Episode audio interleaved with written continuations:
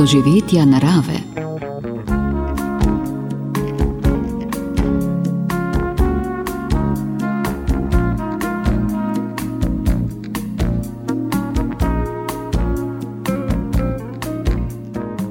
Prisrčen pozdrav, spoštovani poslušalci, doživetja narave in ja, nič več ni tako, kot je bilo, o tem bo danes tekla beseda.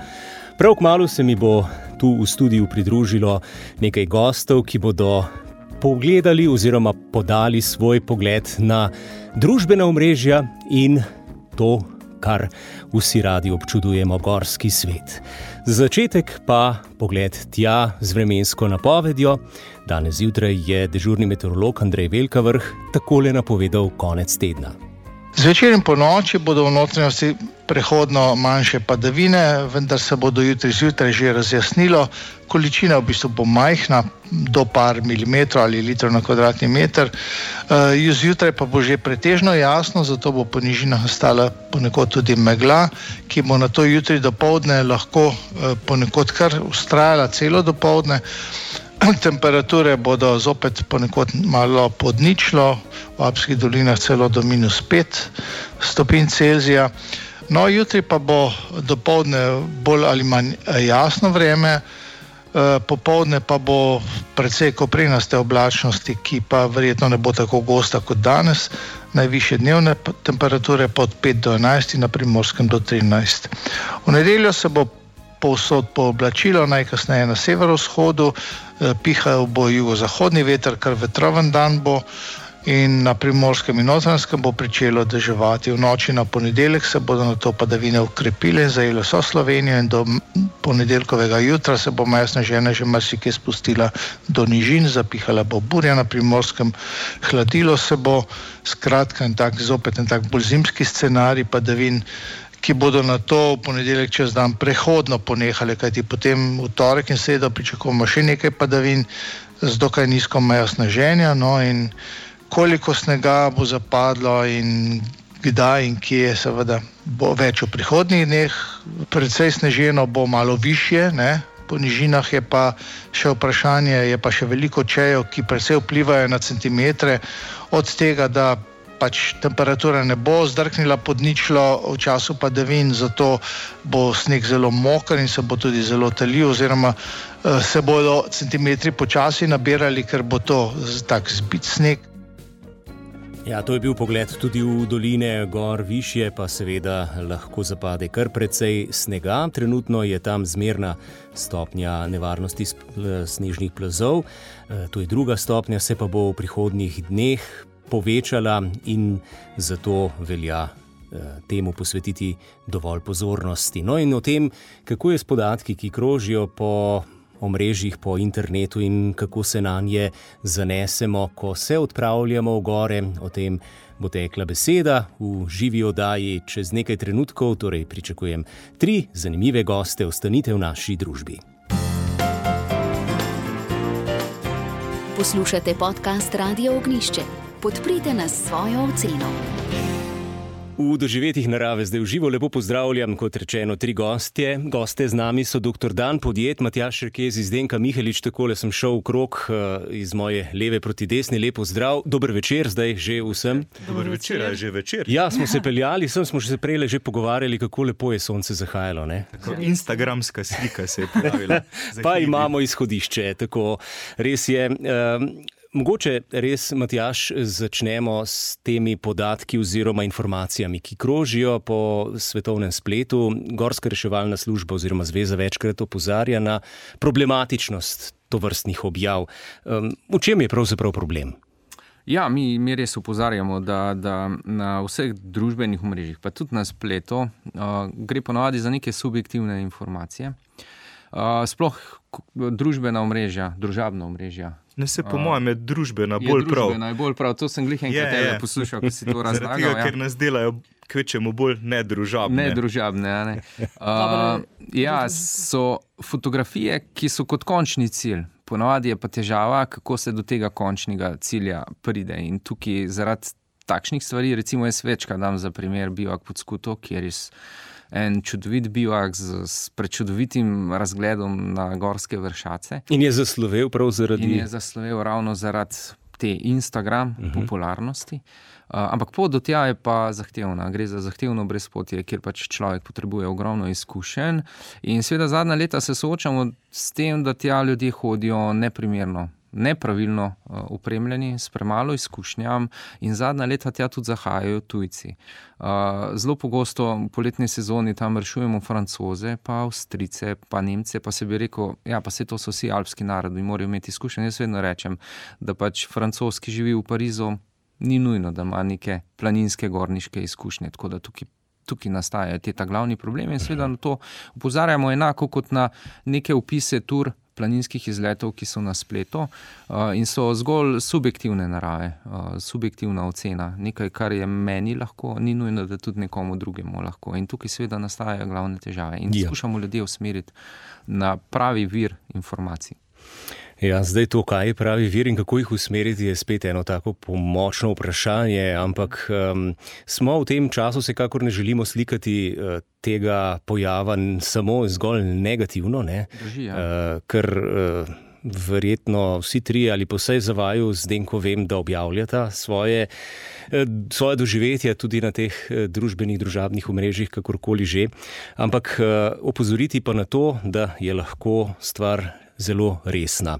Dan, ko smo se pogovarjali eh, pred to oddajo, eh, ja, si omenil ta podatek: eh, petkrat več ljudi umre zaradi fotografije kot zaradi napada morskega psa. Pravzaprav ne zaradi fotografije, ampak zaradi selfijev. Selfije, no to je še torej, dodatek, selfiji ja, so ja. bistveno bolj nevarni kot pa morski psi, čeprav si morske pse predstavljamo kot tiste pošasti, zaradi katerih uh -huh. uh, umremo, pa imamo čist napačno predstavo. Zakaj ljudje umrejo zaradi selfijev? Zato, ker jih je treba delati na najbolj nemogočih lokacijah, da v poplavi selfijev, ki jih na tem planetu samo na androidnih napravah nastane vsak dan 100 milijonov, um, izstopamo iz povprečja. In zato, recimo, je pred nekaj meseci, se spomnim, so se mladi fotografirali, delali selfije na gorenski avtocesti, zato um, se ljudje postavijo na rob previsne pečine, zato grejo pred prihajajoči vlak, zato ker je taka fotografija enostavno zanimiva, eh, privlačna, šokantna in kot rečeno, v poplavi informacij je žal treba šokirati. Ni tu pomembna niti estetika, kot je pomembno to, da fotografija izstopa. Ker tiste fotografije, ki so bolj zanimive, bodo bolj deljene, bodo večkrat lajkane, torej všečkane, um, bodo imele več komentarjev in žal tudi. Na ta način um, zanimivost in lepoto celo kvantificiramo. In to je tisto, kar se mi zdi res narobe. Mislim, da moramo res narediti počas prehod od kvantitete k kvaliteti, spet razmišljati o tem, kaj je res lepo, ne pa nujno, da je tisto, kar je šokantno, tudi najbolj pomembno. In jaz mislim, da je veliko nesreč tudi v hribih, v gorah, nastane zaradi tega, ker se ljudje postavijo na res neko nemogočo lokacijo, naredijo selfi, nekdo jih še mogoče drži za roke in potem omahnejo v globino. Um, spomnim se celo primera um, mladeniča iz Kitajske, Vujong Kninga, ki je delal selfije profesionalno, torej zbiral denar za to, da je naredil selfije na najbolj nemogočih lokacijah, na vrhu neke konstrukcije, recimo visoke več sto metrov, in potem je pa so ljudje namenili za to denar, podobno kot na Kickstarterju, zbral vem, na tisoče evrov to, da bi naredil tam selfi nekje v Višavah, in potem je svoj zaročenki rekel: Glej, ta bo pa res zadnji, zbral mislim, da okoli 20 tisoč evrov, naredil res tisti selfi in potem omahnil v globino. In za dober selfi so ljudje pripravljeni plačati in celo umreti.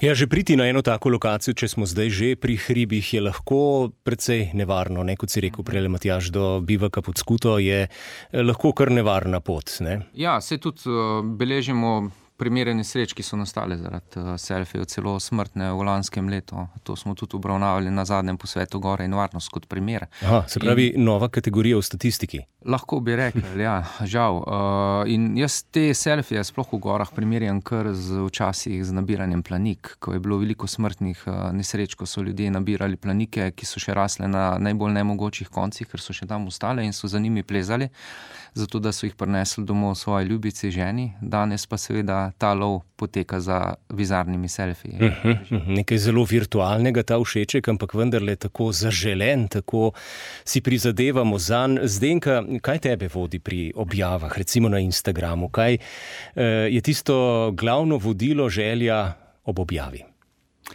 Ja, hm. Zanimivo. Uh, meni je glavno vodilo, da ljudem pokažem, kako je v hribih lepo. Ko pa zjutraj objavim, recimo, um, zelo redno hodim zjutraj pred sončnim vzhodom ali pa za sončni vzhod na Šmarno goro, ker se mi zdi to fascinantno, da premigaš telo, da dobiš energijo za cel dan. Uh, če pa doživiš sončni vzhod ali pa barve.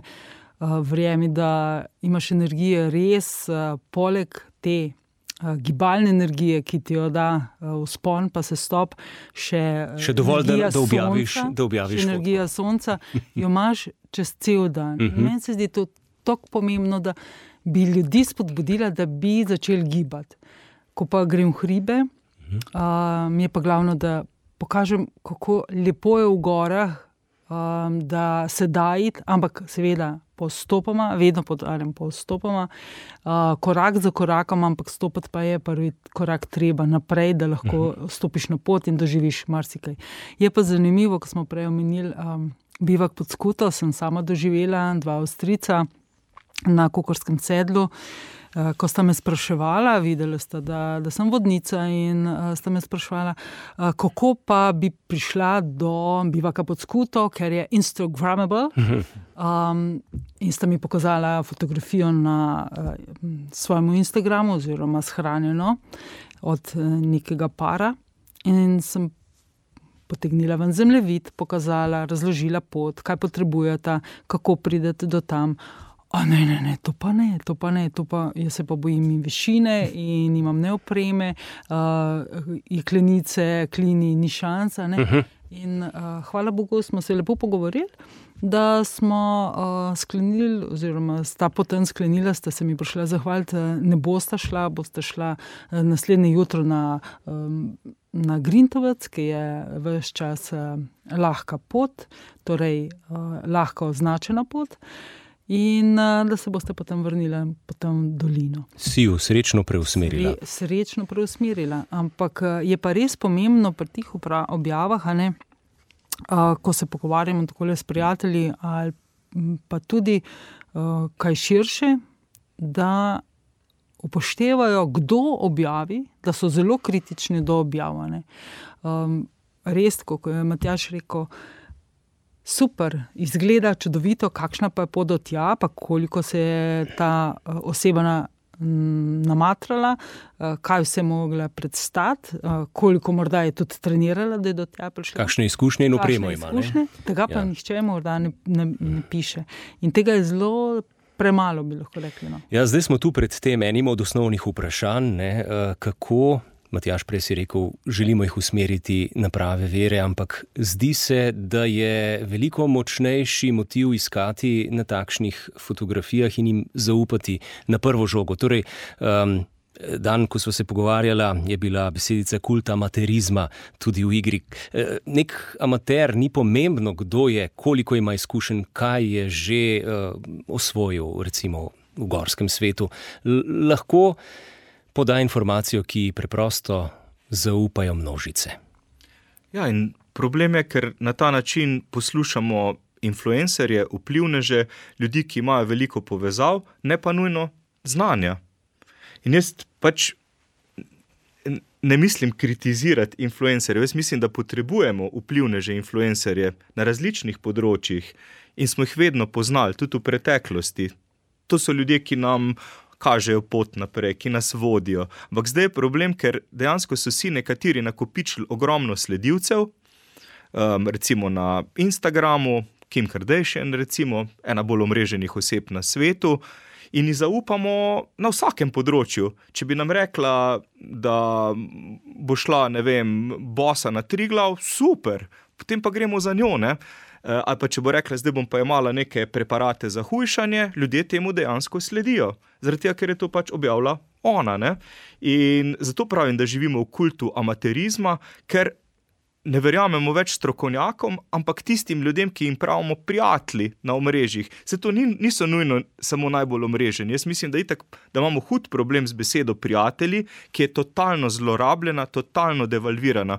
Um, ne vem, jaz imam na Facebooku, recimo, se mi je nabralo 4000 prijateljev. Kdaj? Kdo so ti ljudje? Večino jih sploh ne poznam, ker naenkrat se zbudiš in ugotoviš, da imaš 4000 prijateljev. Ne? In hkrati, pa, ko se število prijateljev kopiči, pa dejansko vrednost tega pojma upada. Včasih je bil prijatelj nekdo, ki ti je svetoval, ki, si, ki te je razumel, poslušal, zdaj pa enostavno ne veš, kdo pravzaprav ti ljudje so. Tako da problem je v bistvu večplasten s tem. Um, in ja, živimo v družbi spektakla, to pomeni, uh, kar vidimo na omrežjih, kar vidimo po medijih, temu verjamemo. In bistveno je biti viden, ne pokazati, kam greš, pokazati se v najbolj kritičnih situacijah, in hkrati um, vse čas razkazovati tudi vse večji del svojega življenja od jutra do večera, vse čas smo s kamerami in pred kamerami. Ne, to je zanimivo, da kamorkoli gremo, vzamemo s sabo fotoaparat, v bistvu, ki se mu reče telefon. In z njim lahko kadarkoli zabeležimo fotografijo, objavimo na omrežju. In če vidimo potem neko lepoto narave, recimo v hribih, seveda je to treba takoj zabeležiti. Ampak ni dovolj, da delite to z bližnjimi, kot nekoč, ne, ko ste jim pokazali te fotografije. Ne, treba je deliti z stotinami, tisoči prijateljev. In te slike so lahko zavajajoče. No? Ljudi tudi zvabijo nekam. Um, sicer se mi zdi dobro, če jih zvabijo v naravo, kot ja. tako, ne? ampak ni pa nujno, da jih zvabijo na pravo pot. Jaz mislim, da ima influencerji zdaj res odgovorno nalogo, tudi tisti, ki pač vodijo ljudi v hribe, da jim povejo, kako pa ne grejo tja. Ker to so ljudje, ki jih drugi poslušajo in na to ne smemo pozabiti. To so tudi ljudje, ki te pripravijo na pot. Tako da jaz mislim, da na področju planinstva se da tu v Sloveniji še ogromno. Narediti. Ja, kaj bomo uh, v nadaljevanju še mogoče mal, malce razstrli? Zdaj le en ta klasičen pozdrav s planin uh, z naše glasbene lestvice, potem pa nadaljujemo. Poslušate podcast Radio Ognišče. Podcast Radio Ognišče. V doživetih narave z nami Zdenka Mihelič, vodnica, gorski reševalec, Matjaš Šerkezi in pa antropolog Dan Podjet. Eh, govorimo o družbenih omrežjih in gorskem svetu, eh, tako pozitivne kot negativne plati tega časa, v katerem živimo. Simbol časa, torej selfie, ko počasi padaš v globino. Smo se zdaj le o tem pogovarjali, ampak eh, Matjaš, mogoče gremo k temu primeru, ki je tudi odmeval eh, tako v družbenih eh, medijih, oziroma v mrežjih, kot tudi v siceršnjih medijih. Tistega mladega fanta, ki je šel na Triglav ne, in je komaj preživel. Ja, jaz sem Jaz sem tisti primer pač izpostavil. Zelo, zelo redko se obdregnem ob kakšno stvar, uh, skušam vseeno nekako. Se držati nazaj. Se držati nazaj, pa, pa delovati čim bolj v smeri, da skušam ljudi nekaj naučiti. Uh, so pa posamezni primeri, ki pa grejo res čez rob. In na take stvari je pa treba upozoriti, da jih ne bojo ponavljali. Sploh v tem smislu, ker so pač na osnovi tega potem se širile informacije, da ja, je res fajn, odlično, kakšen car, takšne stvari na ta način dobimo neki nekega vzornika. Nekega ne? vzornika in je res treba te stvari početi. Uh, in si rekel, ne naučiti iz nekih izkušenj. No, človek je še vseeno bitje, ki, ki črpa znanje iz nekih preteklih izkušenj, ta medgeneracijski prenos znanja starejše na mlajše, da pač preprosto ostanemo živi in to kot družbo pelje naprej. Ne rabimo zdaj, pač, če, če, če cel vesoljni svet upozarja, da pač, če nimamo izkušenj po zimi, hoja v gore je nevarna, sploh če ne znamo uporabljati tehnične pripomočke. Absurd je bil pa še to, da smo dva dni prej v Planinski zvezi Slovenije izdali takšna navodila, upozorila, kakorkoli že imenujemo. In ravno to se je potem zgodilo, kar se ne bi smelo zgoditi. Ja, jaz pravim, škoda je vsakega življenja, ki na tak način po nepotrebnem končal v, gora, v gorah in tudi sam skozi neko zgodovino gorskega reševanja sem preveč primerov doživel, da smo z gora pripeljali mrtve ljudi in seveda potem gledaš tiste žalostne obraze svojcev, tudi sam rabiš nekaj časa, da prideš spet k sebi in vse to je nepotrebno. Sploh v časih, v katerih živimo, kjer so pač ta tako družbena omrežja kot informacije zelo lahko dostopne in se lahko naučimo iz tega, lahko dobimo nekaj, ker imamo možnost v Sloveniji tako najeti vodnike uh, v okviru planinskih društev, gorske vodnike, ki imamo cel kup tečajev, plazovnih delavnic in lahko na drugačen, lepši, bolj varen način pridemo do tega znanja. Ko pa je tako lepo spremljati nekoga, ki objavlja krasne in atraktivne fi filmčke in videe, ne, oziroma fotografije, e, informacije je ogromno. Ne. Ja, seveda, se jaz tudi vedno rečem, jaz, jaz osebno, jaz se res želim iti na Mars, ampak vem, da ne morem iti.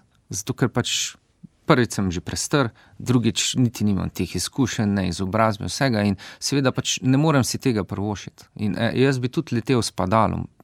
Pa mi je fajn, pa si logrem kupiti padalo, pa skočiti, ampak vem, da nimam tega znanja in tega pač preprosto ne morem narediti. Moram to narediti z nekom, ki to zna, ki me bo to peljal in da bom te stvari lahko varno počel. In enako je v planinstvu.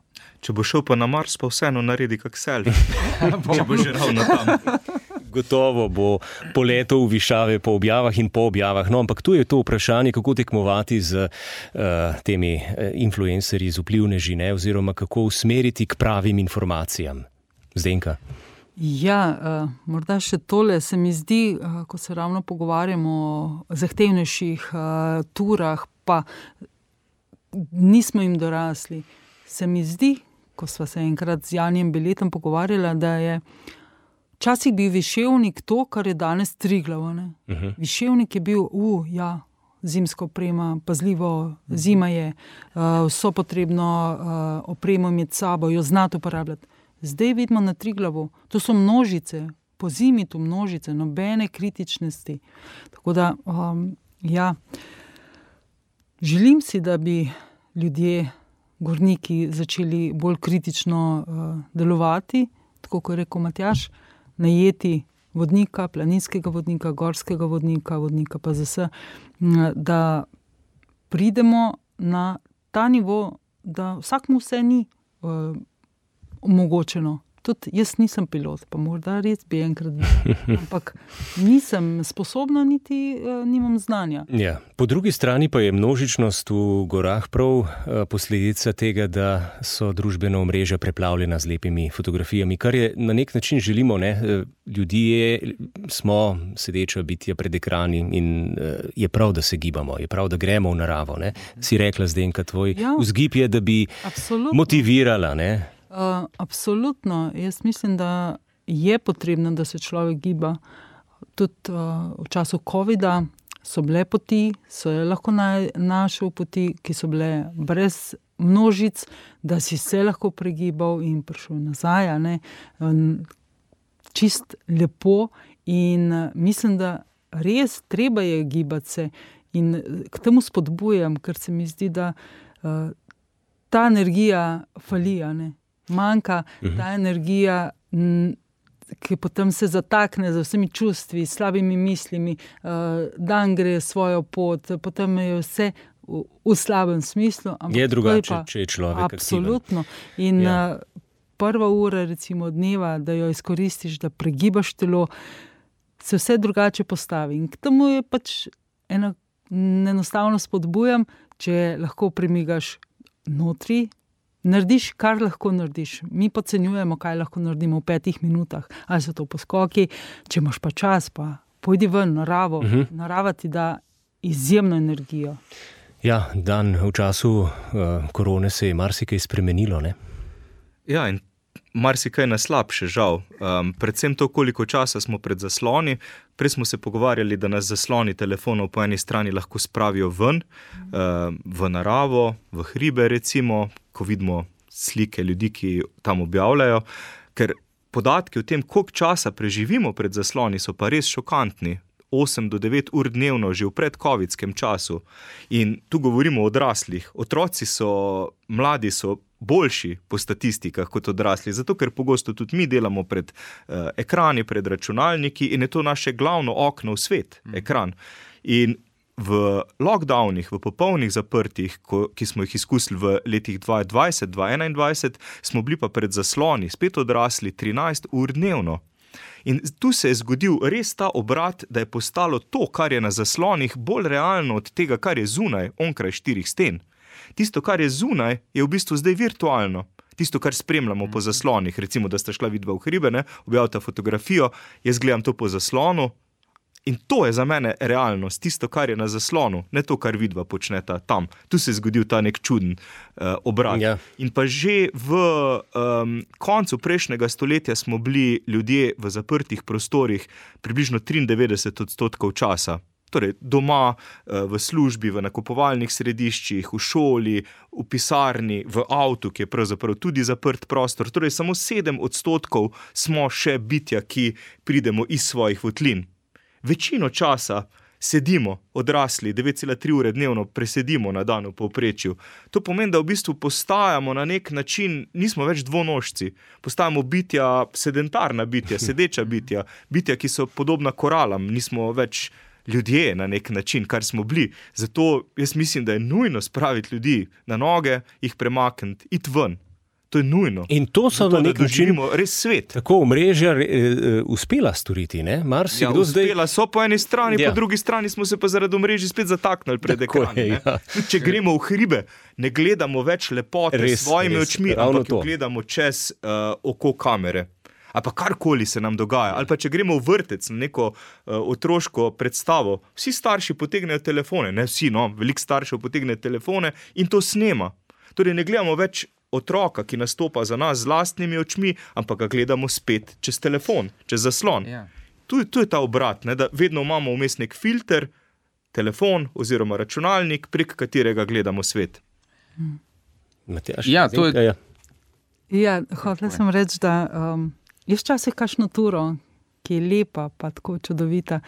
Sploh ne potegnem ven telefona, ne naredim fotografije, imam samo zase. Mhm. Um, in sem doživim, ali pa včasih sem obmoknem in ne naredim fotografij.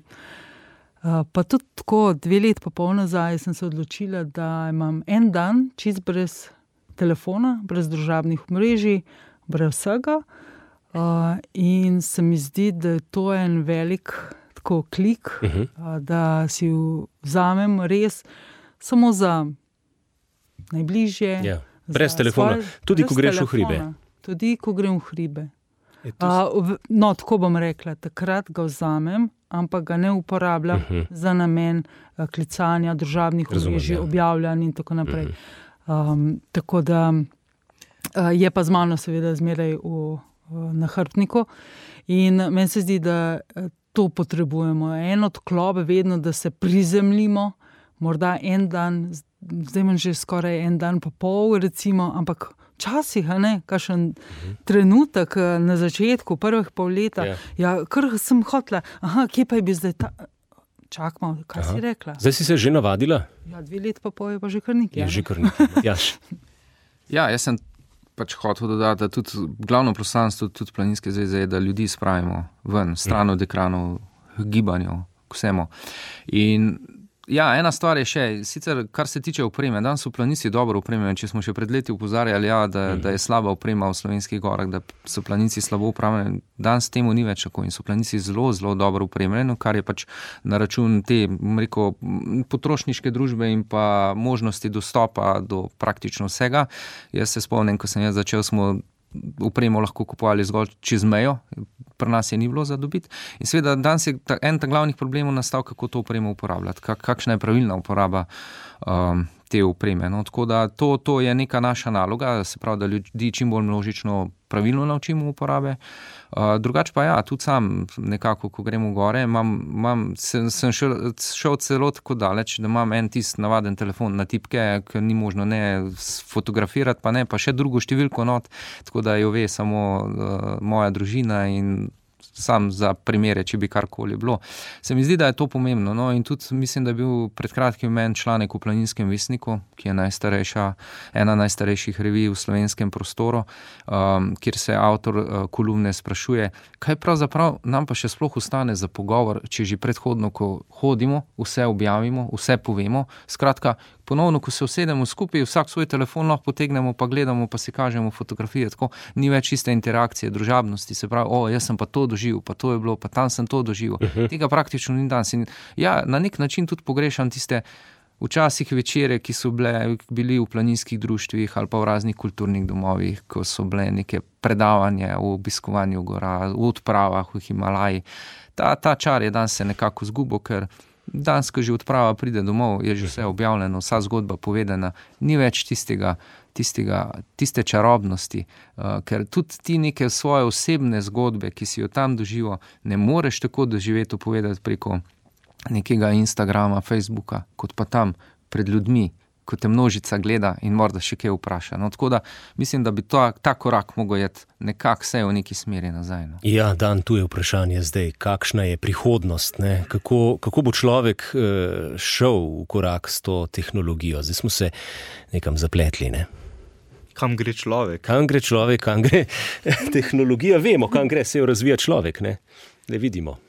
Ja, zdaj, ta hip, res živimo v nekem prelomnem trenutku, ko se moramo odločiti, ali se bomo dokončno digitalizirali, tudi prenesli svoje misli, mogoče na digitalne platforme, se dokončno zlili s tehnologijami, ali bomo ohranili neko človeškost, identiteto, ostali ljudje.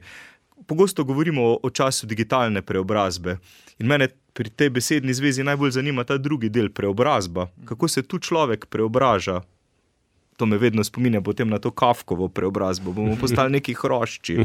Kaj, v kaj se preobražamo? Pravzaprav? Jaz mislim, da moramo ob digitalni preobrazbi, ki je nujna in nam v marsičem olajša življenje, vzpostaviti še paralelni trend, analogno preobrazbo in ohraniti to, kar si tudi ti rekel, možnost odklopa, pravico celo do odklopa, biti odklopljen. In to je danes najtežje. Mi pri nas doma nimamo nobenega problema uh, biti priklopljeni na internet, posod, v vsaki sobi imamo dostop do interneta.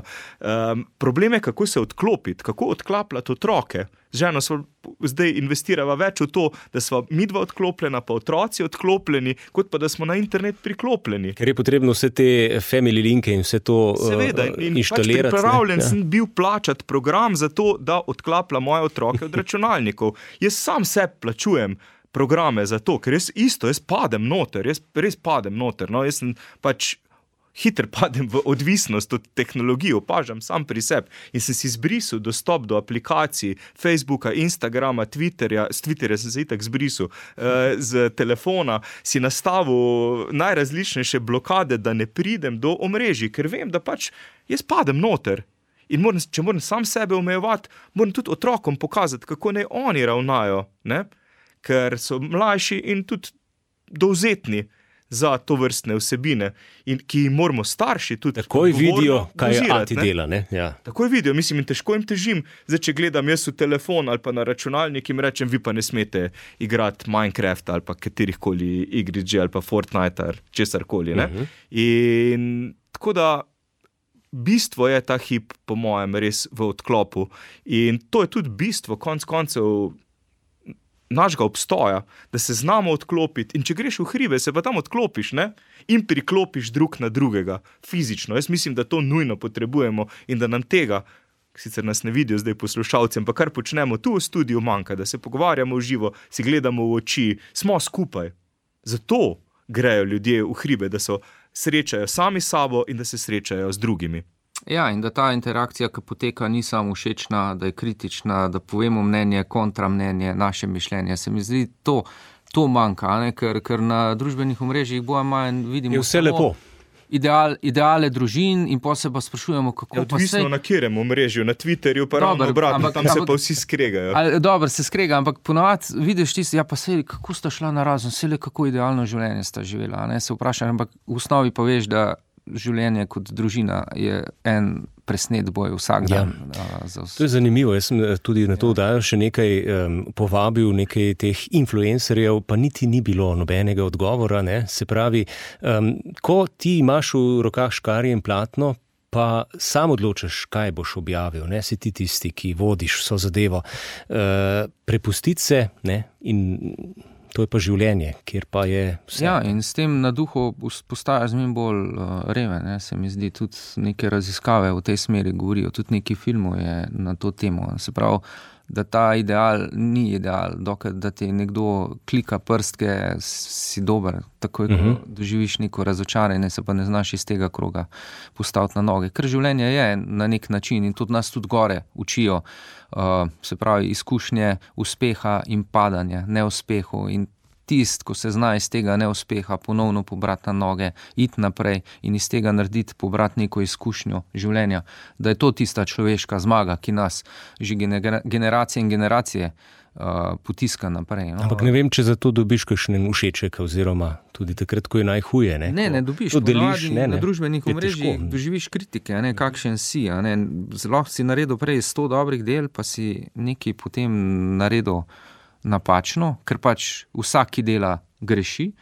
Uh, in seveda je potem to glavna tema, uh, ki, ki kroži in, in te, te toče, to, dobesedno točejo po tebi. no. Ja, Ja, Zdenka. recimo pred časom a ne, sem tako razmišljala, vsak dan zjutraj gremo ven, skok iz postelje, v energije, poln dan. a ne.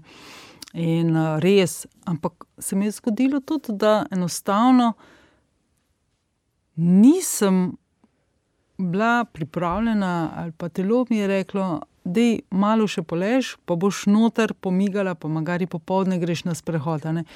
In uh, priznam, jaz sem to napisala in tudi uh, objavila sem ene noge v luft, ne uh, počitek, uh -huh. da tudi to paše. Uh, pa moram reči, da ni bilo na začetku ok, ne, odobravanja, potem pa se je nekdo našel.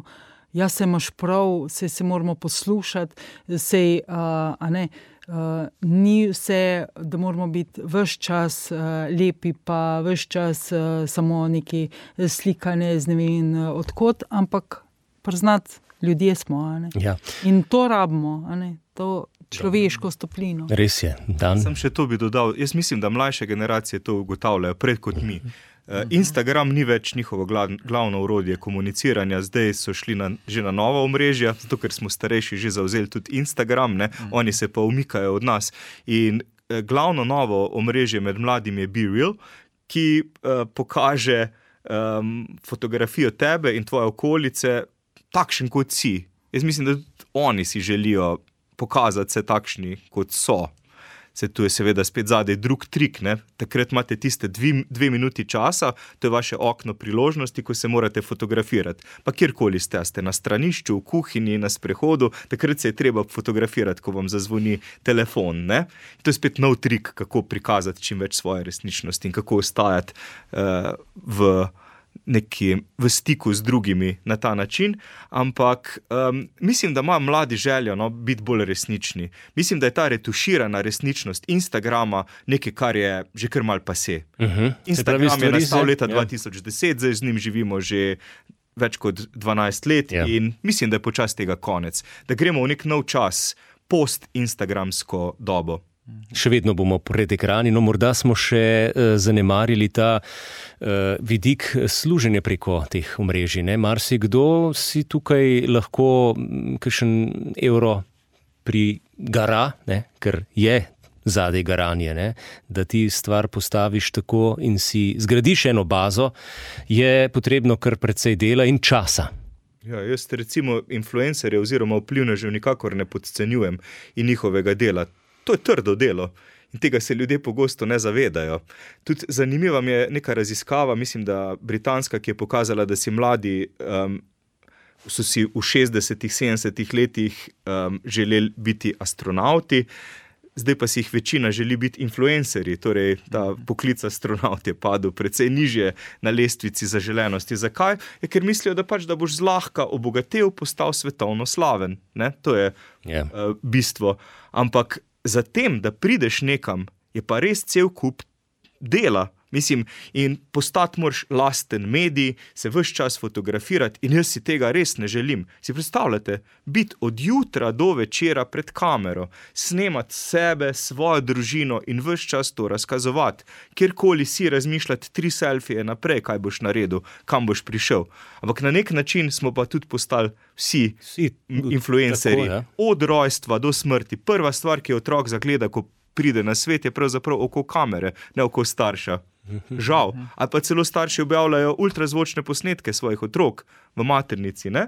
In tako da smo na nek način vsi v Trumanovem šovu, v tem filmu, od rojstva do smrti. To je ta nova realnost, to je ta družba spektakla. Ja, ja to je zdaj res že mogoče mal tak strašljiv pogled, ampak tako je. Vseeno pa uh, morda zdenka malce manj tako ekstremno, ali kdaj eh, pomisliš, ko greš na turo, zdaj bom pa izbor ture prilagodila, da bom tam naredila dobro objavo? Uh, ne, do zdaj še nisem tako naredila, da bi uh mhm. -huh. naredila zdaj pa dobro objavo. Ampak... Ali pa da bom šla nekam, kjer še nisem bila, zato da bom lahko objavila nove slike ali pa novo zgodbo. Ne. Eh, se pravi, da je vzgib za to, da je uh, objava. objava ne? Ja. ne, to ne. Um, običajno imam kar nek seznam želja, kam želim iti uh -huh. uh, poleti, kam uh, jeseni, kam spomladi in kam po zimi, ker uh, so to različno zahtevne ture. Potem. In uh, ko so razmere, potem grem. Uh, In včasih me tura zelo preseneti in tako navdušeno potem, kaj objavim. In tudi povem, naprimer, ko smo, ko smo s kolegom prečla uh, po Via della Viti na Vevnico, pa potem čez mali koritniški mangard na mangard, pa po uh, Via Italijani dol nazaj na Belopeška, sem jasno in glasno povedala, da to je bila pa tura, ki sem na njo se dolgo let psihično morda pripravljala. In da to ni za vsakogar, mhm, da je to uh, potrebno izkušnje, znanje, uh, gibanje v takem uh, svetu. In, uh, da, ja. Sprašujem zato, ker verjetno vsak, ki gre ven, ne malce, ki ima telefon pri sebi, seveda pomisli na to, uh, kako bo zdaj um, to prikazal svojim sledilcem, ne? ki gre v naravo, ki gre v gore. Ena, ena zavest ob strani je, kaj bom pa ne. zdaj objavil. Meni je prva, uh, vedno, da pridem varno nazaj domov. Uh mhm. -huh. To mi je prvo v glavu, um, vsak korak, da mi je. Stoprocentna pozornost tam. Sem se že zalotila, da sem kdaj rekla, da ta le bo pa super objava. U, pa sem se isti trenutek sama popravila, hej, nisi še niti dol prišla, nisi na varnem. Um, moj Simon točno ve, da ne bom kakšne fotografije za zahtevnih usponov objavila, preden pridem v dolino, uh -huh.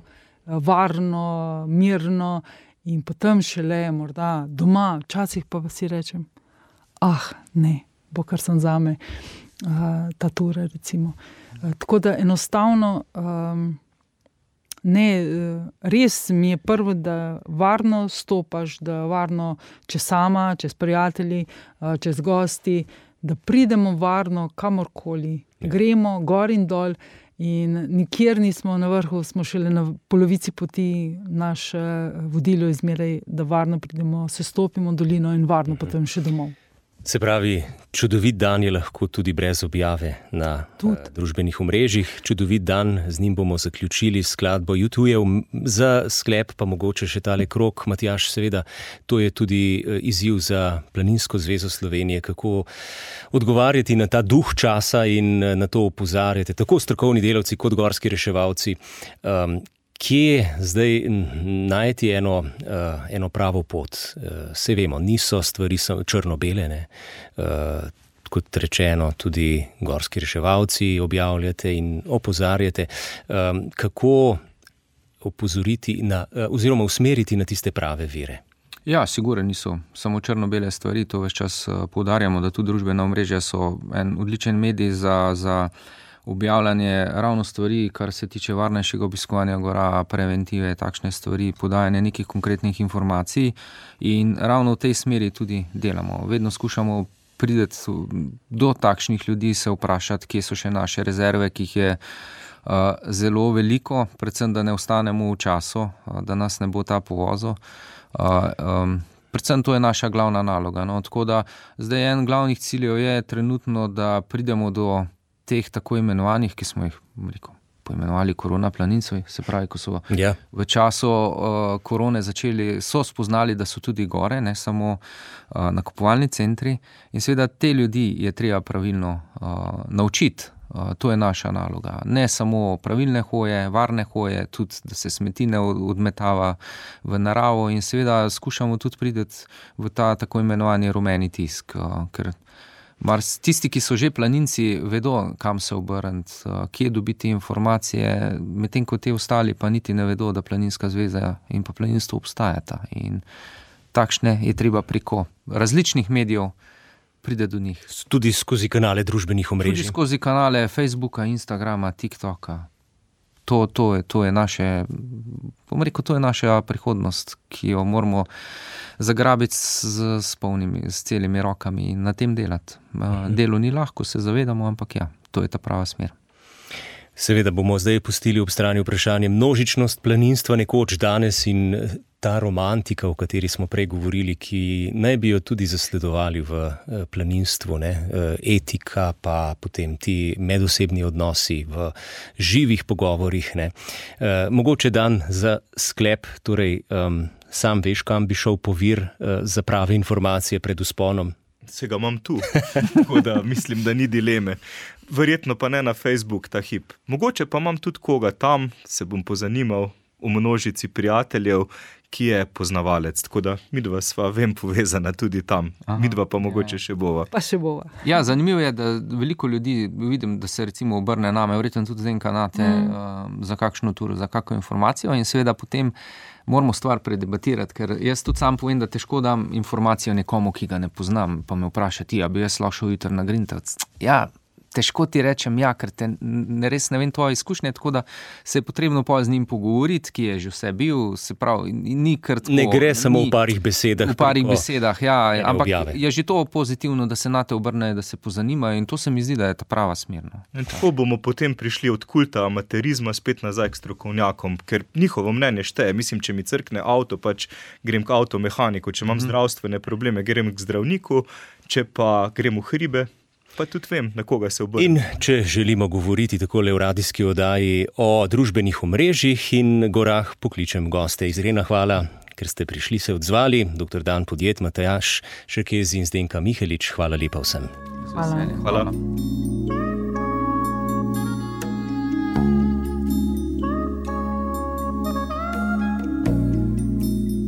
Doživetja narave.